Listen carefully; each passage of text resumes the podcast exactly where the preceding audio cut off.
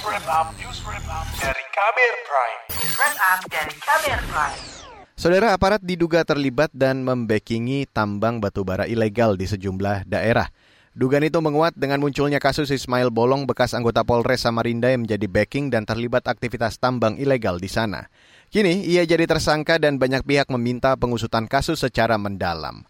Selengkapnya akan saya hadirkan dalam laporan khas KBR yang disusun oleh reporter KBR Siti Sadida. Saudara, kepolisian menetapkan Ismail Bolong menjadi tersangka dalam kasus penambangan batu bara ilegal di Kalimantan Timur atau Kaltim bersama dua tersangka lain. Juru bicara Mabes Polri Nurul Aziza mengatakan kegiatan tambang ilegal tersebut dilakukan oleh BP, RP, dan IB. IB adalah Ismail Bolong yang berperan sebagai komisaris. Ia juga bekas anggota Polres Samarinda, Kalimantan Timur. Ismail terancam sanksi pidana hingga lima tahun penjara dan denda paling banyak 100 miliar rupiah. Yaitu BP berperan sebagai penambang batu bara tanpa izin atau ilegal, RP selaku kuasa direktur PT EMP berperan mengatur operasional batu bara dari mulai kegiatan penambangan, pengangkutan, dan pemuatan dalam rangka dijual dengan atas nama PT EMP.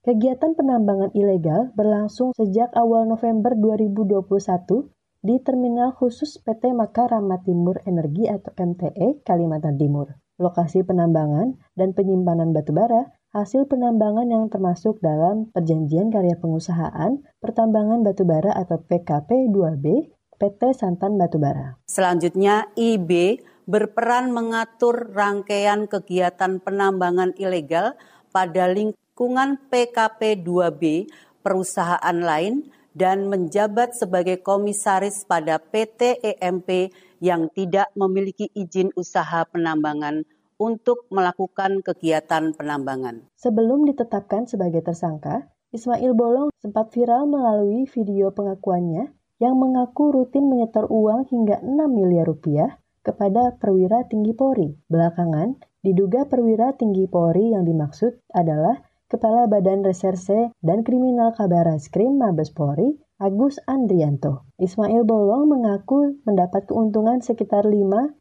sampai 10 miliar setiap bulannya. Namun, tak lama setelah video itu tersebar, Ismail menghapusnya dan membuat pernyataan baru dengan menyeret nama bekas Kepala Biro Pengamanan Internal Karo Paminal Divisi Profesi Hendra Kurniawan dan bekas Kadif Propampori Verdi Sambo. Menanggapi itu, bekas Kadif Propampori Verdi Sambo mengaku sudah memeriksa Ismail Bolong dan kabar reskrim Polri Agus Andrianto. Sambo membantah jika disebut melepas Ismail Bolong. Artinya proses di Propam sudah selesai.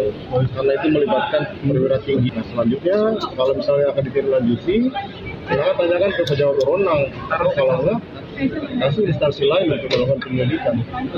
Laporan resmi kan sudah saya buat. Komisi Kepolisian Nasional atau Kompolnas mendukung langkah Kapolri Listio Sigit Prabowo untuk menuntaskan kasus dugaan setoran tambang ilegal yang diduga menyeret pejabat Polri. Komisioner Kompolnas Yusuf Warsim mengatakan bakal berupaya melakukan upaya pengawasan fungsional dan koordinasi kepada internal Polri. Selain itu, Kompolnas juga telah berkunjung langsung ke Polda Kalimantan Timur dan mengonfirmasi isu tambang ilegal yang disebut oleh Ismail Bolong.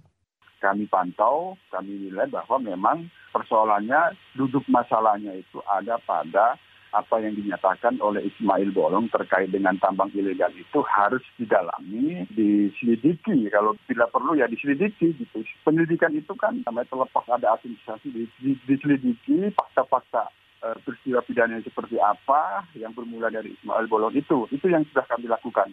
Kasus ini menuai perhatian DPR. Menurut anggota Komisi Hukum DPR Nasir Jamil, ia menilai bahwa kasus dugaan backing tambang batubara ilegal menjadi contoh perlunya pengawasan di tubuh Polri. Jadi sebenarnya kalau reskrim itu rekrutmennya seperti saya katakan dari mulai rekrutmen sampai uh, reward and enforcement-nya ya penegakan hukum mereka itu bisa dilakukan dengan baik terukur. Sebagai tindak lanjut jangka panjang, Nasir mengusulkan pengawasan dan pembenahan di Badan Reserse Kriminal sebab itu merupakan inti dari lembaga Polri.